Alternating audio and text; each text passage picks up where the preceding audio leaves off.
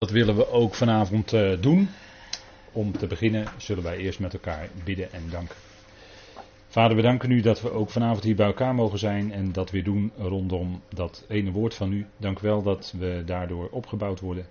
Dank wel dat u ook ons vanavond daarmee wilt voeden en koesteren, Vader. Dank u wel dat we in alles afhankelijk van u zijn. In het spreken, in het luisteren, in alles wat we verwerken vanavond. Vader, wilt u door uw geest in ons werken, onder ons werken, opdat we weer een stukje groei van ons leven, van ons geestelijk leven mogen ervaren en daardoor beter, Vader, kunnen wandelen en stand houden in de geestelijke strijd waarin we soms staan. Vader, dank u wel dat we geweldige verdedigingsmiddelen van u hebben ontvangen. Zo ook het gebed waar we ook vanavond bij stil willen staan, Vader. En dank u wel dat u daarin wijsheid en leiding wil geven. Dank u wel dat we, Vader, verlangend zijn om u te horen. En Vader mag het dan boven alles uit zijn tot lof en eer en verheerlijking van uw naam. We u daarvoor, voor wat u geeft in die geweldige naam van uw geliefde Zoon, onze Heer Christus Jezus. Amen. Goed, wij eh, lezen met elkaar en dat doen we in de Nederlandse concordante vertaling. En vanaf 1 vers 1 ik denk dat het goed is om even gewoon het verband te lezen. En dan lees ik met u even door tot en met vers 11. Dus vanaf hoofdstuk 1 vers 1 tot en met vers 11. En daar lezen wij Paulus en Timotheus, slaven van Christus Jezus, aan al de heiligen in Christus Jezus die in Filippi zijn, tezamen met opzieners en dienaren. Genade voor jullie en vrede van God onze Vader en van de Heer Jezus Christus. Ik dank mijn God bij elke herinnering aan jullie, altijd in iedere bede van mij, voor jullie allen met vreugde deze bede uitsprekend, vanwege jullie bijdrage aan het Evangelie vanaf de eerste dag tot nu toe. Hiervan overtuigd dat hij die onder jullie een goed werk onderneemt, het voltooien zal tot aan de dag van Jezus Christus. Daarom is het voor mij terecht zo jegens jullie alle gezin te zijn. Omdat jullie allen, jullie die mij in het hart hebben, zowel in mijn boeien als in de verdediging en bevestiging van het evangelie, gezamenlijk deelnemers zijn met mij aan de genade. Want mijn getuige is God, hoezeer ik naar jullie alle verlang met het mededogen van Christus Jezus. En dit bid ik, dat jullie liefde nog meer en meer mag overvloeien in erkenning en alle fijngevoeligheid, zodat jullie toetsen wat belangrijk is. Opdat jullie oprecht zijn en niet aanstootgevend tot in de dag van Christus. Vervuld met de vrucht van gerechtigheid, die door Jezus Christus is tot heerlijkheid en lofprijs van God. Tot zover even deze woorden uit Filippenzen 1. En het is altijd een heel fijn stukje om te lezen, vind ik.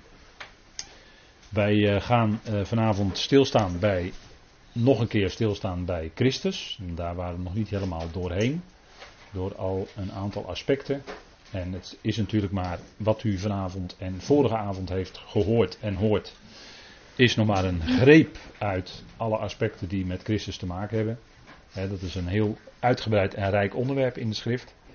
En u kunt zelf natuurlijk aan de hand van uw uh, keyword concordance, als u Engels leest, of uw stichwoord concordance, als u Duits leest, kunt u uh, dat begrip Christus helemaal voor uzelf uitwerken.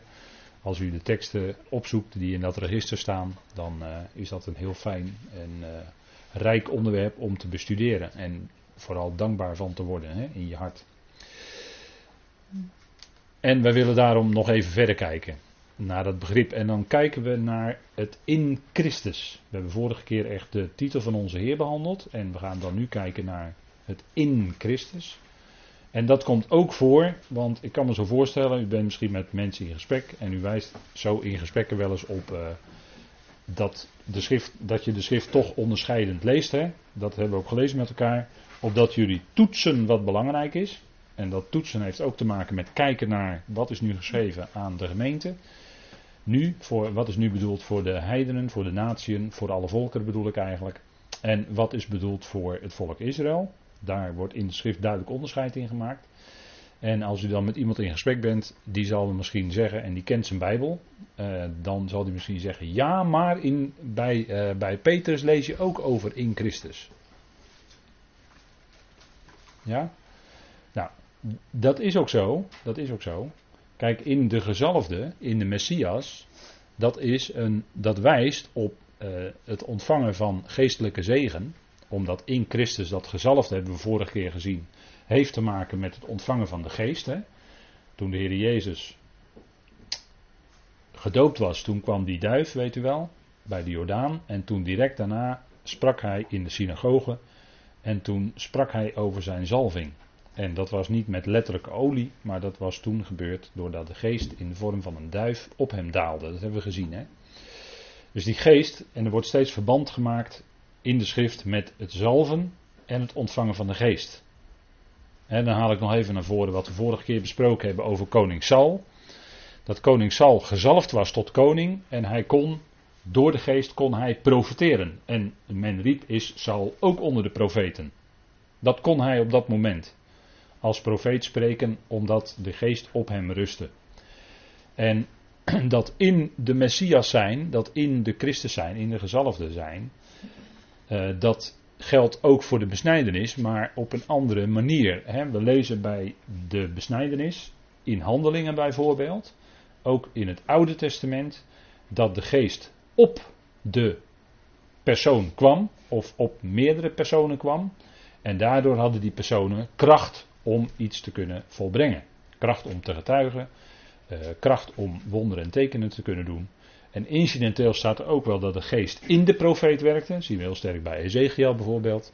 Maar nooit een permanente inwoning van de geest in de gelovigen. Dat lees je alleen bij Paulus. En dat is het grote verschil.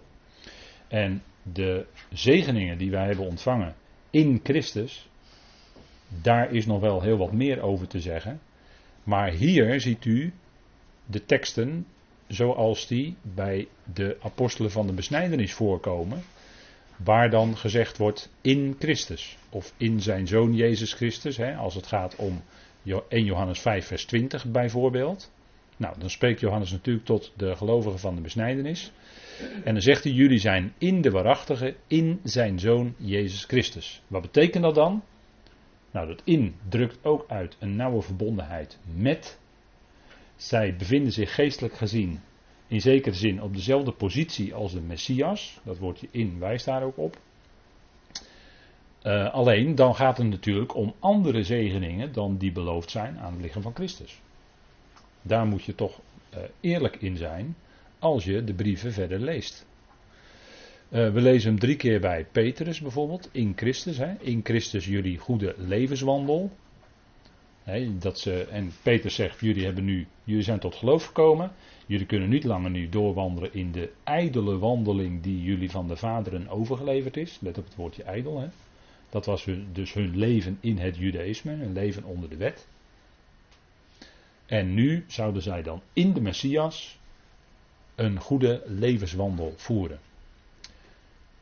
1 Petrus 5 vers 10 zegt dan dat zij in de Messias een eonische heerlijkheid bezitten. En ik ga er nu even snel overheen, omdat ik denk dat u dat best wel weet. Alleen ik wil het nog, toch nog even aanstippen voor alle duidelijkheid. Kijk, die eonische heerlijkheid is voor de besnijdenis een toekomst hier op aarde in het koninkrijk. Dat is die eonische heerlijkheid. En er zegt een hele oplettende Bijbellezer: ja, maar Paulus spreekt toch ook over dat je zegen ontvangt met eonische heerlijkheid in Timotheus. Ja, maar die eonische heerlijkheid voor het lichaam van Christus is wel heel wat anders dan die voor de besnijdenis. Dus je moet wel die lijnen uit elkaar blijven houden. Bij de besnijdenis is in de Messias alle zegeningen die in Tenach beloofd waren en eventueel in de Evangelie door de Heer aangevuld en, en verder aangestipt. Maar niet anders dan wat al beloofd was. Enorme heerlijkheid in het koninkrijk, in de komende eonen, in het koninkrijk der hemelen, op aarde. En, zegt Petrus dan als laatste, Vrede aan jullie allen, de shalom. De shalom die bewaard zal worden, ook in het koninkrijk en desnoods met een ijzeren roede zal de Heer, zal de Messias heersen, regeren en hij zal degene die Israël het waagt aan te vallen in het millennium, en dat zal een keer gebeuren, al aan het begin van het millennium, en die zullen dan verslagen worden en daarna zal geen enkel volk het meer proberen, behalve aan het eind na het millennium. Want dan wordt de tegenstander nog even korte tijd losgelaten. En dan zal hij de volkeren over de breedte van de aarde doen optrekken naar Jeruzalem. Waar zij natuurlijk ook vernietigend verslagen zullen worden. En dan is het einde van dat millennium.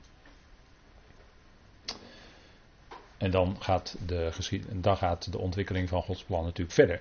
Maar hier is het vrede aan jullie allen. Dat is natuurlijk de shalom die de Heer zal bewaren in Israël en tegenover de volkeren. Hè. Dus je moet die lijnen gewoon uit elkaar blijven houden. Want Petrus die schreef nu eenmaal aan de vreemdelingen in de diaspora, hè, in de verstrooiing. Zegt 1 Petrus 1 vers 1. Dus je moet altijd goed kijken aan wie is wat geschreven. Wie zegt het? Petrus was de leider van de besnijdenisapostelen. Kreeg de sleutels van het koninkrijk der hemelen. En hij gebruikte die sleutels ook op de Pinksterdag. En er kwamen 3000 tot de bekering. En die gingen dus op weg naar het aardse koninkrijk. Anders is het niet. Dat is de lijn van Petrus en dat is de lijn van Johannes. En anders, uh, anders is het niet. Ja, dus ook bij hen wordt gesproken over in de Messias, in Christus. In Christus, en dan nemen we even een stap naar iets anders, namelijk het lichaam van Christus. In Christus, dat is de gezalfde. In Christus is de, dat is de gezalfde. En dat, dat gezalfd zijn, dat hebben we dus met elkaar gezien, dat benadrukt dus de geest van God. En dus ook het ontvangen van geestelijke zegeningen. En dat is wat kenmerk is voor deze tijd. Kenmerk voor deze tijd is dat wij niet, dat een gelovige die lid is van het lichaam van Christus, geen aardse zegeningen hoeft te verwachten. Geen materiële zegen hoeft te verwachten. En dan denk ik altijd, als ik, als ik zo over deze dingen nadenk, dan moet ik altijd denken aan het dorp dat geen geluk heet in Siberië. Want daar heb ik gelovigen gezien, in alle eenvoud, die hadden niks. Die hadden helemaal niks daar. Die moesten zelf een aardappelen verbouwen en noem maar op. Verder hadden ze niks. Wacht even. Ze hadden het woord, hè? Ze hadden het woord. Ze waren rijk met het woord van God. En dat straalde van de gezichten af. En ze hadden het materieel verschrikkelijk arm. En dat vind ik een geweldig voorbeeld van de geestelijke kracht van het evangelie. Wat ook daar kwam, hè? In, dat, in, de, in dat diep in Siberië. Hè? Nog heel wat kilometers bij Novosibirsk vandaan, hè? in het Noydachnu, het dorp dat geen geluk heet. Maar daar was wel het evangelie gekomen. En daar had God voor gezorgd. Want je vraagt je af hoe is het mogelijk dat daar het evangelie terecht kwam. Nou, dat kwam daar terecht en dat doet God. Dat werkt God uit. En die mensen, hoewel ze materieel arm waren, en het in de winter verschrikkelijk koud was daar, altijd, is, nog altijd, veel en veel kouder dan hier. Maar de blijdschap straalt van de gezichten. Van de geloven. Kijk, en dat is de kracht van het evangelie. En dat is, een, vind ik, een sprekend voorbeeld van hoe die geestelijke kracht van het evangelie werkt in die geloven. Want het evangelie, dat is een kracht van God tot redding. Dat is de enige kracht tot redding in deze tijd. er is geen enkele andere kracht. Je kan iemand bepreken wat je wil. Je kan bij wijze van spreken tien paarden eh, voor iemand zetten en uh, u begrijpt wat ik bedoel. Maar zo iemand kan niet tot geloof komen. Maar door de kracht van het evangelie, door de kracht van God, het evangelie, daardoor wel. Hè? Daardoor werkt God. En de zegeningen, die hebben een geestelijk karakter, in deze tijd. En dat typeert ook het Efeze Want dan hebben we een enorme rijkdom aan, aan zegen. Want wat is nu het Efeze-geheimenis? En dat, dat is, maken we een enorme stap hoor. Van het evangelie van de besnijdenis naar het Efeze-geheimenis. Dat is een enorme stap. Maar wat zegt Efeze 3, waarin dat Efeze-geheimenis wordt samengevat? Dat in de geest, en dat, dat wordt vaak overhoofd gezien, en ook de vertalers die hebben daarmee gerommeld met, dat, met, met die begrippen. Ik bedoel dan gerommeld in de zin van ze hebben het op een hele andere plek vaak in de zin gezet in de vertaling dan waar het eigenlijk moet staan. Maar het heeft de nadruk en het staat vooraan in het Grieks hier. Namelijk dat in de geest, dat in geest letterlijk, bepalend lidwoord staat er niet, dat in geest de natieën, en daarmee wordt natuurlijk bedoeld de gelovigen uit de natieën, maar hier is het even verkort samengevat door het woord natieën. Gezamenlijk lotgenieters zijn. Een gezamenlijk lichaam vormen. En gezamenlijk deelhebbers zijn van de belofte in Christus Jezus door het evangelie waarvan ik dienaar werd. Dat is het Efezegeheimenis. En het Efezegeheimenis is een heel bijzonder aspect. Is een heel bijzonder geheimenis. Wat dus in de Efezebrief, vandaar we het ook zo noemen voor het gemak. Wat in de Efezebrief naar voren komt. En het wordt hier samengevat. Maar het is in eerdere hoofdstukken van de Efezebrief al uitgebreid aan de orde geweest. Vanaf hoofdstuk 1 vers 20 tot het einde van hoofdstuk 2 zijn deze drie aspecten heel uitvoerig aan de orde gekomen van het Efezegeheimenis. En dat heeft alles te maken met de plaats van het lichaam van Christus in deze tijd. En dat is een geestelijke positie. Waarom is dat zo? Dat is zo omdat bij Israël er sprake is van een materiële positie. Die hebben een toekomst op aarde. Die hebben een koninkrijk op aarde. Die zullen op aarde tot zegen zijn voor de volkeren. Die hebben een lotgenieting ook op aarde. Hè? En nu zijn de natieën niet lotgenieters, want dat kon niet. Want anders zouden ze Israël moeten verdringen of dan kom je in de problemen met Israël. Maar ze zijn gezamenlijk lotgenieters. Met de heiligen uit Israël die geroepen zijn tot het lichaam van Christus. En waar is het oordeel dan? Nou, boven. Maar dat heeft al eerder geklonken in de Efezebrief. In hoofdstuk 2. Dat wij gezamenlijk met Christus Jezus gezet zijn te midden van de hemelingen. Dat wij hebben dus onze positie boven. En, en daarom is die vijf keer te midden van de hemelingen in de Efezebrief zo ontzettend belangrijk om dat in de gaten te houden. Want dat is een van de kernuitdrukkingen van de Efezebrief. Dat wij een plaats hebben te midden van de hemelingen. Maar dat is nu nog geestelijk. Want we lopen hier met onze voetjes nog op deze aarde rond. en we lopen misschien dan, uh, figuurlijk gesproken, in de klei te banjeren. Want het is vaak moeilijk. of misschien wel heb je wel eens het idee dat je voeten in een stukje drijfzand zitten, dat, dat, eh, dat je vast zit. Maar dat geestelijk gezien hebben we een geweldige plaats, gezamenlijk lotgenieters met de heilige uit Israël, boven te midden van de hemelingen. En dan is er geen enkel conflict met Israël, want die hebben een lotdeel hier op aarde. Dan ben je helemaal uit de problemen.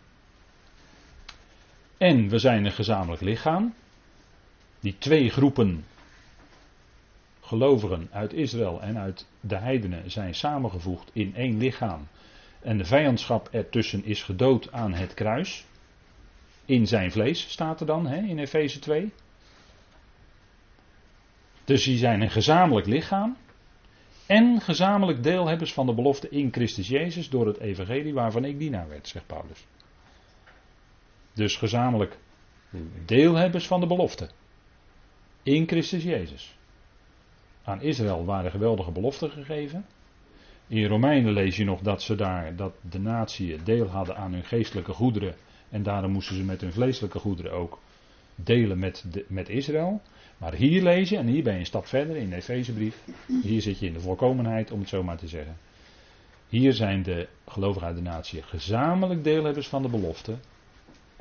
En die hebben geen plek op aarde, maar te midden van de hemelingen. En die hebben niet een heiligdom op aarde waar ze toegang tot de Vader hebben, maar die hebben in één geest toegang tot de Vader. Nu al. Er is geen enkele barrière meer. Alle barrières zijn weggehaald doordat Christus aan het kruis stierf.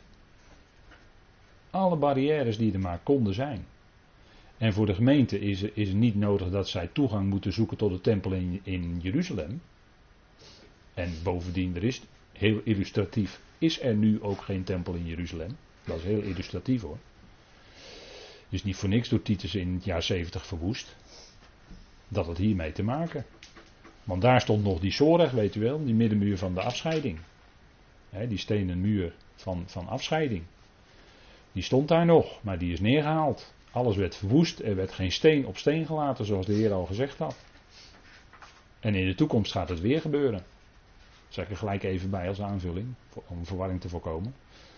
Maar in Christus Jezus Zijn wij gezamenlijk deelhebbers van de belofte? Dat is onze geestelijke positie. Dus al onze zegeningen zijn geestelijk. En niet vleeselijk. Dus of Paulus het nu arm had of rijk in zijn leven, het maakte voor hem ten diepste niet uit. En dan zit ik gelijk weer in de Filipijnse in het vierde hoofdstuk. Hij zegt, ik heb, ik heb geleerd om in alle omstandigheden waarin ik ben tevreden te zijn. En waarom was Paulus niet tevreden in alle omstandigheden? Nou, hij maakte zich geen zorgen. Dat heeft te maken met gebed en dank. Hij maakte zich geen zorgen, Filippenzen 4. En hij wist dat God alle omstandigheden in zijn leven zou doen uitwerken tot het goede. En daarom was Paulus in alle omstandigheden tevreden. Wat een geweldig voorbeeld voor ons, hè? Als je in alle omstandigheden waarin jij bent, uiteindelijk toch tot vrede komt, omdat je die dingen uit, uit handen leert geven in je gebed. En dat is moeilijk, dat is een proces. Ik zeg het nu natuurlijk heel snel in een Bijbelstudie. En daar kan soms jaren overheen gaan in je leven. Dat kan een heel proces zijn. Maar als je in alle omstandigheden genoegen neemt waarin je bent, en of, het nou, of je het nou goed hebt, materieel gezien, of minder goed, je bent toch geweldig rijk in Hem. En daarom sprak ik er net even over die gelovigen daar in dat verre Siberië. Ik vond dat geweldig om te zien. Zo arm. Maar de rijkdom straalde van het gezicht af. Begrijpt u? En, en dat is wat wij ook hebben. Dat, dat, dan, is het, dan is het allemaal niet meer zo afhankelijk. Ben je niet meer zo beïnvloedbaar door de omstandigheden. Zijn wij altijd als mensen, want we zijn vaak ziels. Zijn we beïnvloedbaar door de omstandigheden. Maar als je, je merkt in je leven, als je geestelijk gegroeid bent, en dat geeft God, die groei, dan langzaam maar zeker ga je steeds minder afhankelijk zijn van je omstandigheden voor je blijdschap. Maar heb je je vreugde altijd in Hem. En dat heeft ook alles te maken met de genade die je ontvangt. Hè? Heb jij genade ontvangen? Dat is dat, daar komen we nog op natuurlijk. Maar heb jij genade ontvangen? Dan heb je blijdschap, dan heb je vreugde in je hart. Dan ben je dankbaar voor die genade. En, die, en dat leer je, de diepte en rijkdom van genade, leer je door contrasten. Want God onderwijst ons altijd door tegenstelling. Ik was er nu al mee bezig, hè? rijkdom en armoede. Tevreden zijn of niet tevreden zijn. Het zijn allemaal tegenstellingen. Maar zo, zo onderwijst God ons. En zo groeien wij hè, daardoorheen. Nou, onze zegeningen zijn geestelijk. En dat is voor veel mensen, veel, veel gelovigen vinden dat maar abstract. Die kunnen het niet pakken, zeggen ze dan. Dat is ook moeilijk. Alleen, het is, zijn toch geestelijke zegeningen. We kunnen er niks anders van maken, want Paulus opent ermee in de Efezebrief dat we zijn gezegend met iedere geestelijke zegen te midden van de hemelingen in Christus. Dat is het. En we hebben geen materiële zegeningen. Wij hebben geen belofte voor een zegen op aarde, zoals Israël heeft, zoals Abraham had. Nee, we hebben belofte in Christus Jezus. Dat is een bediening boven, dat is lotdeel boven. Dat is onze ware bestemming, dat is onze ware plaats. Nu al. Nou, dus dat geest, dat element geest, typeert deze tijd. Alles is in deze tijd eigenlijk geestelijk. Eigenlijk is er niets meer vleeselijk en zou het zielse in ons leven, in ons leven als gelovigen, steeds meer op de achtergrond raken. En zouden wij die geestelijke vreugde ervaren, want die is onafhankelijk van de omstandigheden. En dat is wat het woord van God ook doet. Hè? Dat maakt scheiding. Hè? Dat is een tweesnijdend scherp smaad. Dat maakt scheiding tussen ziel en geest. Tussen ziel en geest. En het karakter van het evangelie van de besnijdenis is puur ziels. En het karakter van het evangelie van Paulus is geestelijk. Puur geestelijk gericht. Nou, daar maakt het woord van God onderscheid in. Kijk, als we even, ik ga deze niet allemaal nalopen, maar ik heb ze voor u wel even op een rij gezet, zodat u later thuis, hè, u heeft de komende tijd toch wat extra feestdagen voor de boeg. Hè. Daar vraag je ook af, wat moet je nou op al die feestdagen doen? Nou, daar zou je hiermee bezig kunnen zijn, onder andere. Hè, als je wat meer vrije tijd hebt. Je, je, had misschien een stapel boeken in je gedachten die je ging lezen, maar je zou ook één boek minder kunnen lezen, dan kan je hiermee bezig zijn, eventueel.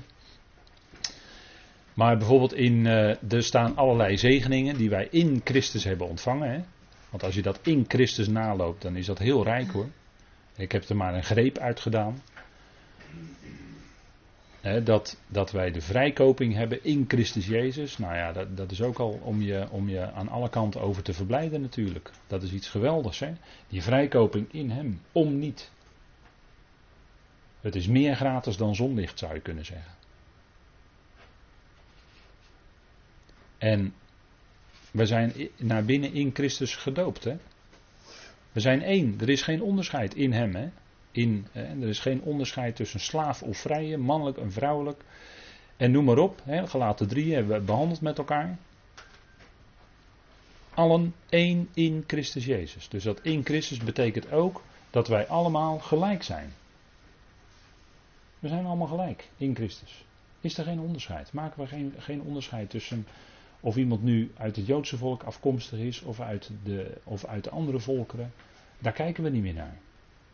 En wat doen gelovigen die zijn bezig met eindeloze geslachtsregisters? Of ze dan misschien wel eventueel van de twee of van de tien stammen afstammen.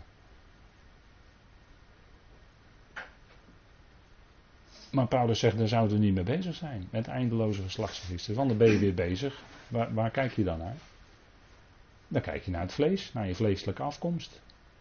En daar zouden we helemaal niet meer naar kijken. In Christus is dat helemaal weggevallen. En we zijn in Christus uh, een nieuwe schepping. En al onze verwachting bijvoorbeeld hè, in, in Christus. Als wij alleen voor dit leven onze verwachting zouden hebben in Christus. Ja, dan zou het er eigenlijk toch niet best voor staan. Nee, er komt opstanding. En dat is ook in hem. Want dat, dat in Christus bestrijkt heel ons leven. Daar kan je over verbazen hoor. Hoe ver dat gaat, dat in Christus. maar in Christus is eigenlijk al onze verwachting. We hebben al onze verwachting op Hem afgestemd. Hij is ons hoofd. En de vereniging met Hem, onze toevergadering, onze episynagoge, noemt Paulus het in 2 Thessalonicense 2 vers 1. Onze toevergadering tot Hem, daar kijken we toch naar uit. Hij kijkt er naar uit. In ieder geval. Dat mogen we wel vaststellen. Maar wij kijken er ook naar uit. En dat is wat, wat steeds dichterbij komt, hè, dat moment. Dus al onze verwachting is in Hem. Als Hij komt, dan is het lijden voorbij. Dan komt er heerlijkheid die zo onvoorstelbaar groot is. Daar heeft u geen idee van. heb je misschien maar ietsje van gezien. Of meegemaakt. Of ervaren. Dat zou kunnen. Iets van die heerlijkheid. Maar dat is maar een hele kleine fractie. Maar als dat komt, hè, dat moment, dan is het lijden voorbij. Want het lijden is niet oneindig. Daar heeft God gelukkig paal en perk aangesteld. En weer zo'n tegenstelling. Hè? We gaan door lijden heen. Dat is een hele moeilijke weg vaak. Heel moeilijk. En je kunt op drie manieren lijden. Je kunt geestelijk lijden. Je kunt lijden in je ziel. En je kunt lichamelijk lijden. En soms maak je dat alle drie tegelijk mee. Dat kan ook nog. En dat is een moeilijke periode. Waarin je achteraf zegt: Ja, maar God heeft mij toch er doorheen gedragen. U weet wel, hè, die voetstappen op het zand, in het zand. Hè? U weet dat wel, u kent dat kaartje wel. Kijk je achterom en zie je één paar voetstappen en dat was hij die je droeg. Kon je zelf helemaal niet. Maar gelukkig kon je dat van tevoren allemaal niet bedenken waar je doorheen moest. Gelukkig niet zeg. Anders was je nooit ergens aan begonnen. Bij wijze van spreken. God heeft ons geen kalme reis beloofd, toch? Maar wel een behouden aankomst. Dat in ieder geval wel. Als de bazuin klinkt, dan zullen we dat gaan meemaken. Kijk, en we hebben nog veel meer hoor in Christus. En dit is nog maar een greep. Maar als we kijken bijvoorbeeld naar dat 2 Korinthe 5 vers 17. Dat wij in Christus een nieuwe schepping zijn. En dat is toch heel bijzonder. Want dat is een keerpunt in de bediening van de apostel. Toen was hij voorbij het vlees. En dan zegt hij, ja, toen was hij definitief voorbij het vlees. Hè? Dus de werking van het kruis. En toen zei hij dat we zelfs al zouden wij Christus naar het vlees gekend hebben, nu niet langer. Dus de aardse zoals hij op aarde was, dat is, dat is goed om te lezen en, en daar zitten natuurlijk wel voorbeelden in van ootmoedigheid en onderschikking. Natuurlijk, dan is het altijd een voorbeeld. Als het gaat om ootmoedigheid en onderschikking, sowieso. Maar voor al dat andere op aarde, eh, tekenen en wonderen en noem maar op. Dat is allemaal naar het vlees voor Israël en daar was je aan voorbij. Hij kende nu alleen nog die verheerlijkte Heer boven en zo zouden we hem ook kennen. Als de verheerlijkte die hij nu is aan de rechterhand van de Vader. En dan zegt hij: Wij zijn in Christus een nieuwe schepping. En het wonderlijke is, en dat werkt dan gelijk heel praktisch uit. Hè, want dat is niet allemaal mooi en abstract om dit te vertellen. Maar dat werkt tegelijkertijd heel praktisch uit. Namelijk dat wij elkaar niet meer kennen naar het vlees. Als jij de ander niet meer kent naar het vlees, wat doe je dan? Dan zie je die ander aan, die andere gelovige, die zie je dan aan in Christus. En dan leer je stapje voor stapje net zo te kijken zoals God naar jou kijkt. Hoe ziet God jou? In Christus. En hoe is dat? Onbeschuldigbaar, zonder vlek of rimpel. Zo ziet God ons altijd. En als je met die ogen leert kijken naar de ander, dan kun je wat makkelijker voorbij zien aan onhebbelijkheden die inderdaad uit het vlees voortkomen. Ja. Want die komen niet uit de geest van God, die onhebbelijkheden. Daar hebben we uitgebreid eh, bij stilgestaan in gelaten bij die vrucht van de geest. Hè. Dat zijn geen onhebbelijkheden, maar dat zijn juist die geweldige zegeningen. En dat is juist die groei, dat, dat is die groei van die vrucht in je leven. En als je dat kan, dan kan je voorbij zien aan de onhebbelijkheden van die ander. En dan ontdek je bij jezelf dat je geduld kan hebben met die ander. Stukje vrucht van de geest, hè? geduld. Dat is lang er de moed in houden. Dat is eigenlijk het Griekse woord. Je houdt er lang de moed in met elkaar. En hoe kun je dat? Dat kun je als in je hart die genade is. Hè? We zouden de Heer zingen vanuit ons hart vol van genade. Hè? Zo. Als je hart vol is van dat genadewoord van God, dan kun je ook voorbij zien, dan heb je de kracht ook om voorbij te zien aan de onhebbelijkheden van die ander. En dan ga je niet langer elke keer als je die ander tegenkomt irriteren aan het gedrag van die ander. Maar dan elke keer als je die andere gelovige tegenkomt, dan ben je dankbaar dat diegene ook gezegend is met net zoveel rijkdom als dat jij gezegend bent. Kijk, en als je zo gaat kijken naar die ander, dan gaat er wat veranderen. Dan gaat er wat veranderen in hoe jij ten opzichte van die ander kan staan. In hoe je ten opzichte van die ander kan zijn. dus dan, dan gaat u een beetje, een beetje begrijpen dat, wat, dat Paulus er direct dus aan vastkoppelt dat wij elkaar dus niet langer kennen naar het vlees. En natuurlijk betekent dat ook dat we niet kijken naar of iemand een Jood is of een Griek. Natuurlijk betekent dat het ook. Dat het ook, ja. En, maar het betekent nog veel meer Namelijk dat al die dingen die uit het vlees voortkomen. En waarvan we in de praktijk ook loskomen, steeds meer, de werking van het kruis. Dat we daaraan voorbij kunnen zien.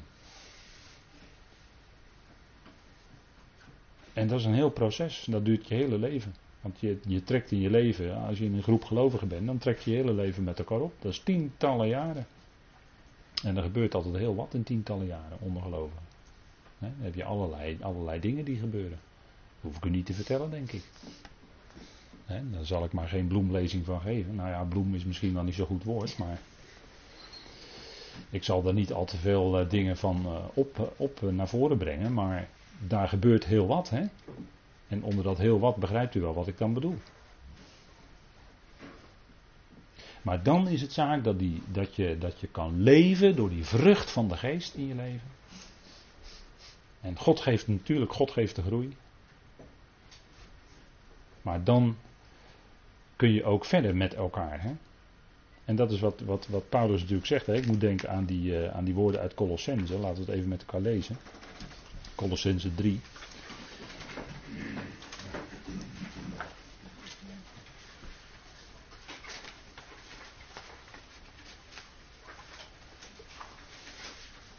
Kijk, dat is, dat is dan voor je praktijk, hè? Dat is voor je praktijk. De Filippenzen is natuurlijk helemaal een brief voor je praktijk. En Colossense, uh, daarin staat natuurlijk ook het nodige voor onze praktijk als gelovigen. In Colossense 3, vers 12. Doet dan aan.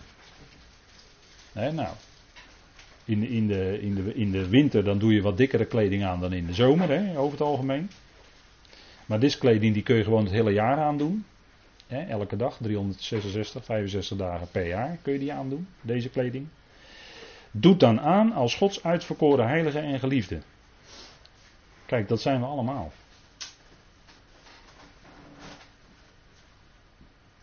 En, en u kent natuurlijk dat, dat beeld van een lichaam. In een lichaam weet je ook klieren, weet u wel. Die moeten er ook zijn.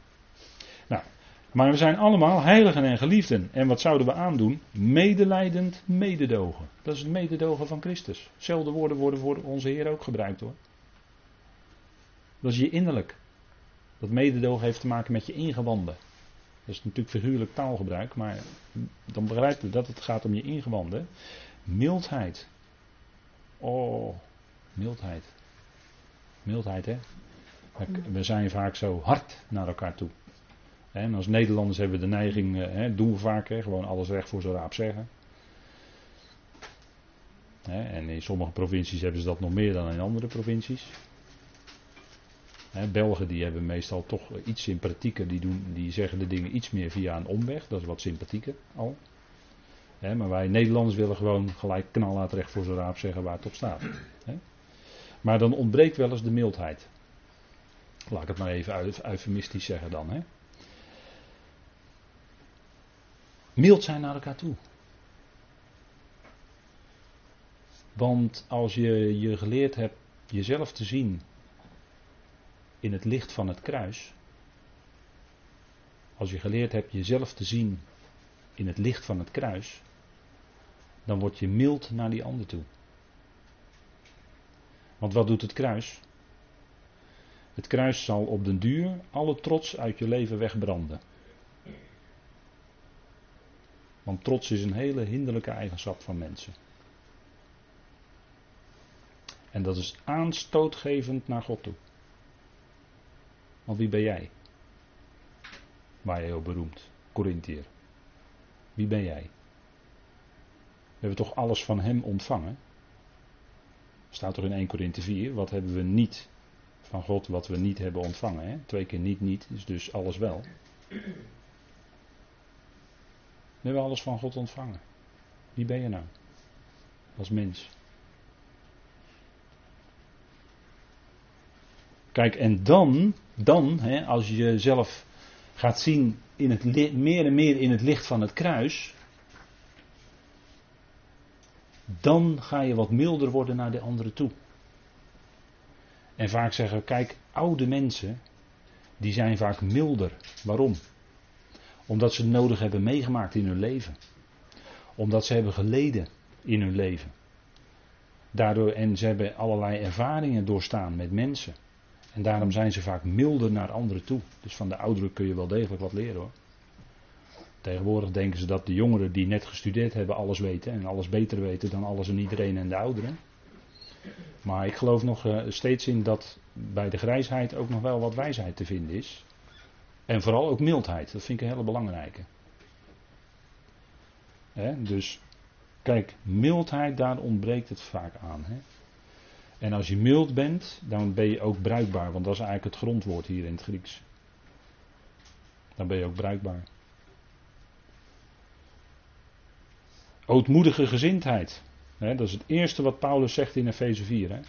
Eerste, daar komt hij mee. Als, als hij gaat spreken over onze wandel als gelovige, dan is het eerste wat hij noemt ootmoedige gezindheid. Dat wil zeggen laag. En daar was ik net al mee bezig toen ik sprak over trots, laag in plaats van hoog. En tegenwoordig denkt de mens dat hij heel hoog is. En daarom moet er ook heel wat gebeuren binnenkort in deze wereld. Zachtmoedigheid. Geduld. We zitten helemaal midden in de vrucht van de geest hier. Hè? De vrucht van de geest. Zachtmoedigheid. Dat is door het evangelie, omdat je omdat je verzoend bent. Omdat je verzoend wil zijn naar die ander toe. Die boodschap van verzoening bewerkt in je dat je ook zachtmoedig kan zijn naar die ander toe. Want je, je wil verzoend zijn. Je wil die vrede uitleven. Houd vrede met alle mensen. Zegt Paulus toch in Romeinen 12. Houd vrede met alle mensen. Nou. Geduld, hè? Elkaar verdragend. Hè? Elkaar verdragend. Dat duurt dus heel lang. Dat is dat geduld. En elkaar wederzijds genade schenkend. En hoe meer je zelf beseft wat de genade inhoudt, hoe dieper je dat beseft, hoe meer je ook de ander echt genade kan schenken. Dat is niet vergeving, want daar kun je op terugkomen. Nee, we hebben het nu over genade schenken. Dat is een ander woord in het Grieks. dat is charizomai. Dat betekent eigenlijk genade doen. En dat kun je niet uit jezelf alleen. Dat is niet een activiteit van jouzelf alleen als gelovige. Dat, dat, dat, dat blijkt al uit de uitgang mai van dit werkwoord. Ja, tegenwoordig moeten we iets meer nog onderstrepen vanuit de grondtekst. Maar dat charizo mai, dus elkaar genade schenken, dat is dus iets wat je de ander kan schenken. Dat is heel rijk. Waardoor jij blij wordt van binnen. Want dat geeft bij jezelf blijdschap in je hart. En het maakt ook die ander blij. Dus dan heb je eigenlijk dubbele winst. Hè? En in bedrijfsleven, in bedrijfsleven zouden ze dan zeggen dat is een win-win situatie. dan kan je het heel zakelijk bekijken ook nog. Dan heb je aan twee kanten winst. Want aan twee kanten groeit die genade. Ja? Dus dat. Kijk, maar dat is niet makkelijk voor een mens. want het is makkelijker, of het is meer menselijk om te blijven hangen in dingen die gebeurd zijn en dingen die enzovoort enzovoort, waardoor er bitterheid ontstaan is en waardoor ja, tientallen jaren zit het nog steeds heel hoog bij je en ja, dat kan allemaal gebeuren. Ik, ik bedoel niks verwijtend, absoluut niet. Bij niks wat ik zeg maak ik niemand een verwijt. ik wil echt niet iemand een verwijt maken. Daar gaat het ook helemaal niet om. Maar het gaat erom dat die vrucht, dat die vrucht van de geest in ons leven zichtbaar wordt. Daar gaat het om. Want dat, dat, is, dat is genezend in de onderlinge relaties. Elkaar staat er ook, he, elk de ander genade schenkend. In geval, he, staat er ook gelijk bij, in geval iemand tegen iemand een klacht heeft.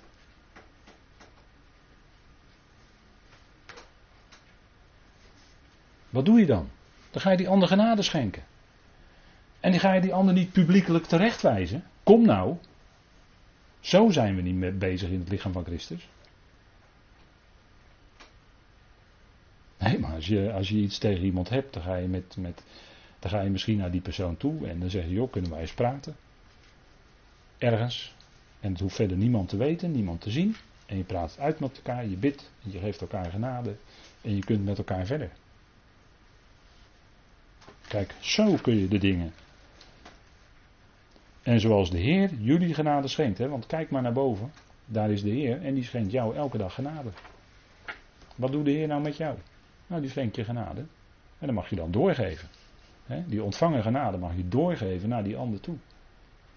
het is beter te geven dan te ontvangen, zei de Heer toch? En dat is ook elke keer met, uh, met uh, als je aan iemand anders iets geeft, dan, dan geeft dat bij jezelf altijd al vreugde, van tevoren al. Je wil die ander iets fijns geven, een cadeautje, ik noem maar wat. En dat geeft bij jezelf al van tevoren al een stukje vreugde in je hart dat jij dat aan die ander kan geven. En je verheugt je er al op dat gezicht van die ander te zien die zo blij is met wat hij mag ontvangen. En zo dan met genade. Dit is een simpel voorbeeld van een cadeautje. Maar zo dan elkaar genade schenken. Dat hè. Zo ook jullie. Kijk, dat is dat wij, dat is, het, de, dat is het gevolg, dat is het heerlijke gevolg van dat wij een nieuwe schepping zijn in Christus. Dat we elkaar dus niet langer kennen naar het vlees, maar dat we elkaar kennen, en dan kan je het invullen naar de geest. Dat je het geloof met elkaar deelt. Dat je de fijne dingen met elkaar deelt die je, die je mag geloven. In gesprekken of in.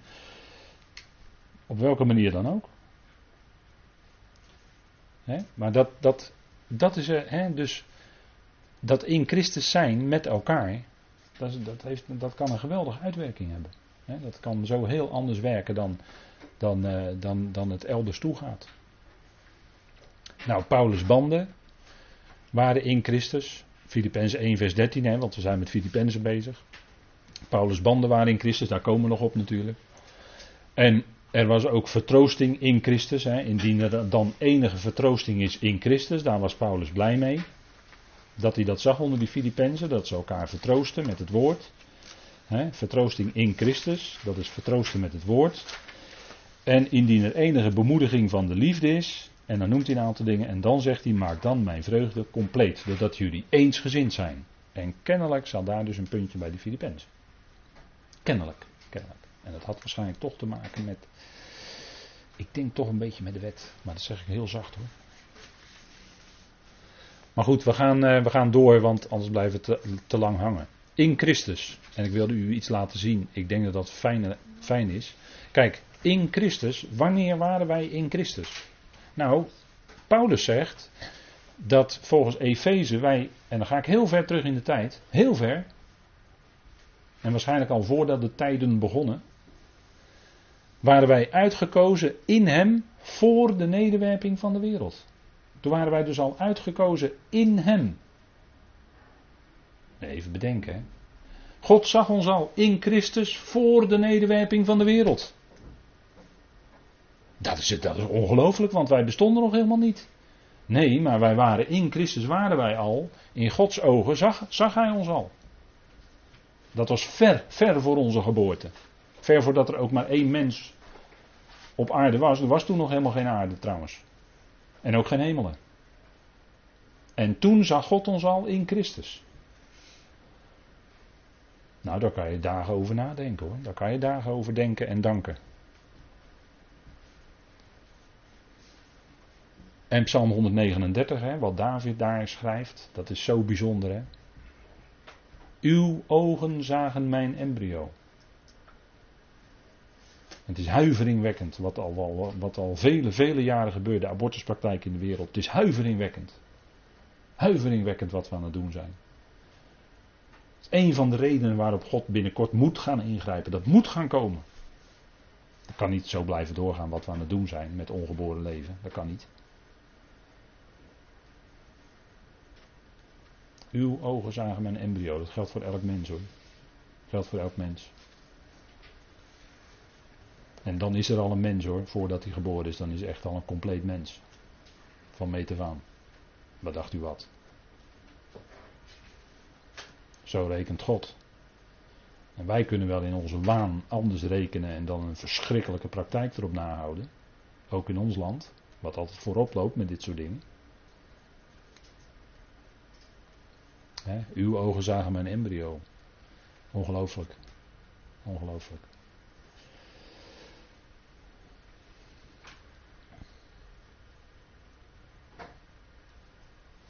Nou, en dat zegt Paulus ook, hè? dat zegt Paulus ook in Galaten 1. Laten we het even met elkaar lezen, want dat geldt ook voor ons. En, en daar zegt hij het gewoon. Hè. Hij was niet de enige die dat zei. Jeremia zei dat ook al. Maar Galaten 1 hebben we natuurlijk al behandeld. Maar ik wil toch nog even opnieuw aanstippen in dit verband. Want er staat maar toen God die mij, Galaten 1 vers 15. Maar toen God die mij afzonderde vanaf de schoot van mijn moeder. En riep door zijn genade het goed achter zijn zoon in mij te onthullen omdat ik hem als evangelie verkondig onder de natie, legde ik het niet meteen voor aan vlees en bloed. Dus Paulus zegt hier iets bijzonders, want het woord afzonderen, dat, is, dat heeft te maken met uh, horizon. Maar dat heeft ten diepste, als we nog dieper gaan, dan heeft het te maken met zien. Dan heeft te maken met de woordfamilie die van het Griekse woord horao uh, afkomt. En dat heeft te maken met zien. En dan vertalen we God die mij afzonderde vanaf de schoot van mijn moeder. Dus toen had God Saulus al op het oog en had hem in feite al afgezonderd. En net zoals God tegen Rebecca zei: Jacob heb ik lief, En Esau haat ik. Uh, sterk op de tweede plaats. Hè. Tweede plaats is het. Staat, ja, staat in het Hebreeuwse woord, dat wijst meer naar op de tweede plaats stellen.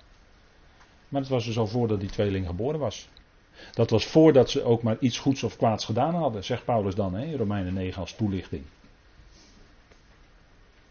Dus onafhankelijk van hun gedrag zou Jacob de drager zijn van de zegen en zou Esau achtergesteld worden. En wij zouden precies andersom doen, op grond van gedrag. God niet. God doet het precies andersom dan wij zouden doen. Dat is heel vaak zo. Maar dat, dat is Gods zaak dan. God zonderde Saulus af. Die later als een woesteling tekeer ging tegen de gemeente van God. Hij ging als een woesteling tekeer. Wij zouden zeggen, nou, dat is onmogelijk hoor, dat die, uh, dat die, uh, nee, dat, uh, dat, dat gaat nooit meer goed komen. Oh nee? Oh nee. Wat doet God? Even zo, weg naar Damascus, hè. Even zo. Werd omgekeerd. En hij stond in een andere richting. Hij ging vanaf dat moment zijn Heer dienen. Kijk, dat is de kracht van God. God heeft nauwelijks iets nodig. En dan werkt hij veel meer uit dan dat wij in uh, tientallen jaren met heel veel moeite en inspanning voor elkaar kunnen boksen. Maar dat kan God in één dag doen. Dat heeft ook alles te maken met gebed, waar het straks over gaat. Maar hij zonderde ons af voor onze geboorte al. Waren wij ook al in Christus eigenlijk, hè, zou je kunnen zeggen. dat mag je zeggen, want hij, hij zag ons al in hem voor de nederwerping zelfs. Dus voor onze geboorte waren we al in Christus, alleen daar wisten we helemaal niks van. En tijdens ons aardse leven zijn we ons dat bewust geworden. Hè? God heeft ons dat evangelie bekendgemaakt. Hij heeft ons hart geopend voor het evangelie, net als bij Lydia. want dat moet God doen hoor. God moet een hart openen. Dacht u nou echt dat u een hart kon openen? Nee toch? U bidt misschien al tientallen jaren voor uw ongelovige familielid. En die komt niet tot geloof. Dat gebed is, niet, dat gebed is waardevol hoor, daar gaat het verder niet om.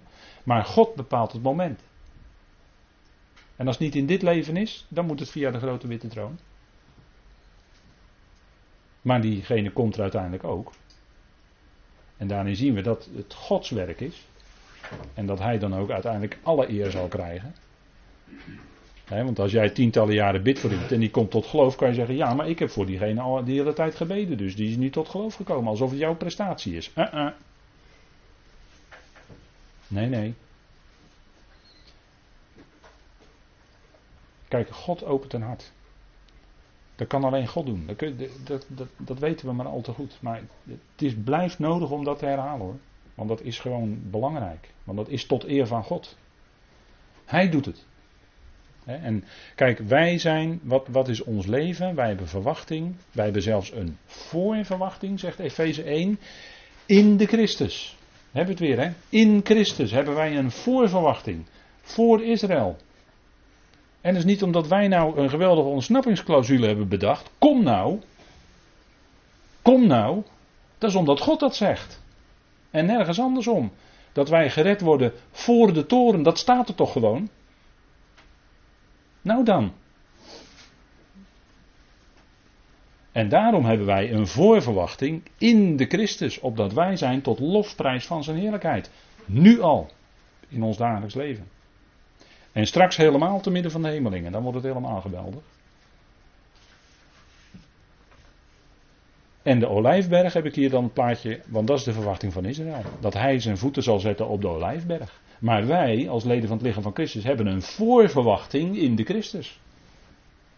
Niet omdat wij dat bedacht hebben. Wel nee, natuurlijk niet. Dus omdat God dat zegt. Anders zou Paulus dit nooit zou kunnen schrijven.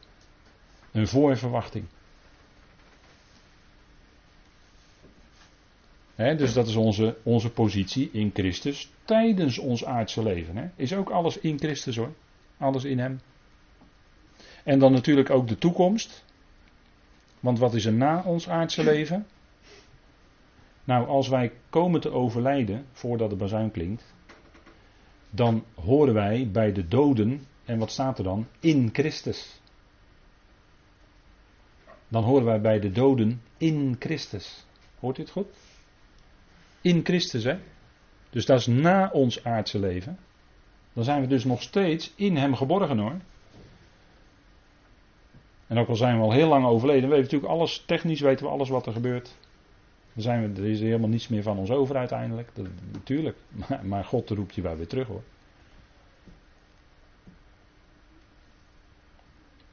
En wat gaat er dan gebeuren? Dan worden wij in Christus, staat er dan ook, levend gemaakt. 1 Korinthe 15, vers 22. Een van de meest geweldige teksten uit de Bijbel.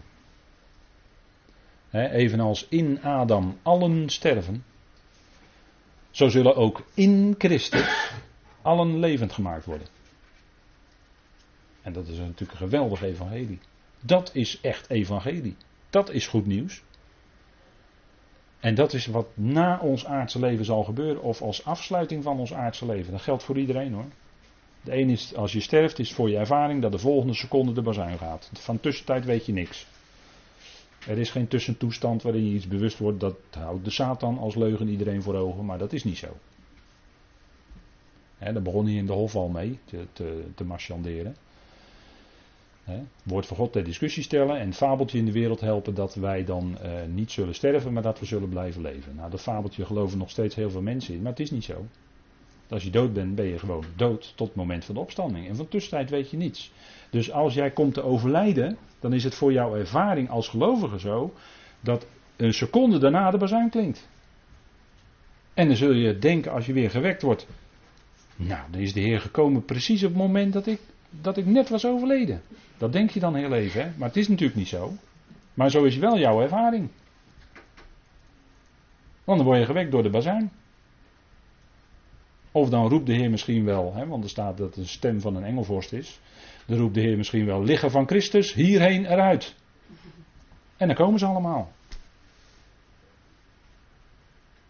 Ja, ik stel het even misschien wat te plastisch voor ogen, maar misschien eh, zou het zomaar kunnen. Hè? Lazarus, hij zei toch ook Lazarus, hierheen eruit. Nou, dat is toch niet zo moeilijk voor hem dan. Hij is de levendmaker. En dan onze toekomst is ook in Christus te midden van de hemelingen. Hè? In Christus Jezus, onze plaats gezet, komende eonen. In Christus, nog steeds. En eigenlijk kun je zeggen, dus vanaf het allereerste begin tot aan de komende eonen, tot en met de komende eonen, is alles in Christus, zijn we alles in Hem geborgen. Fantastisch, hè? Fantastisch. Ja, ik.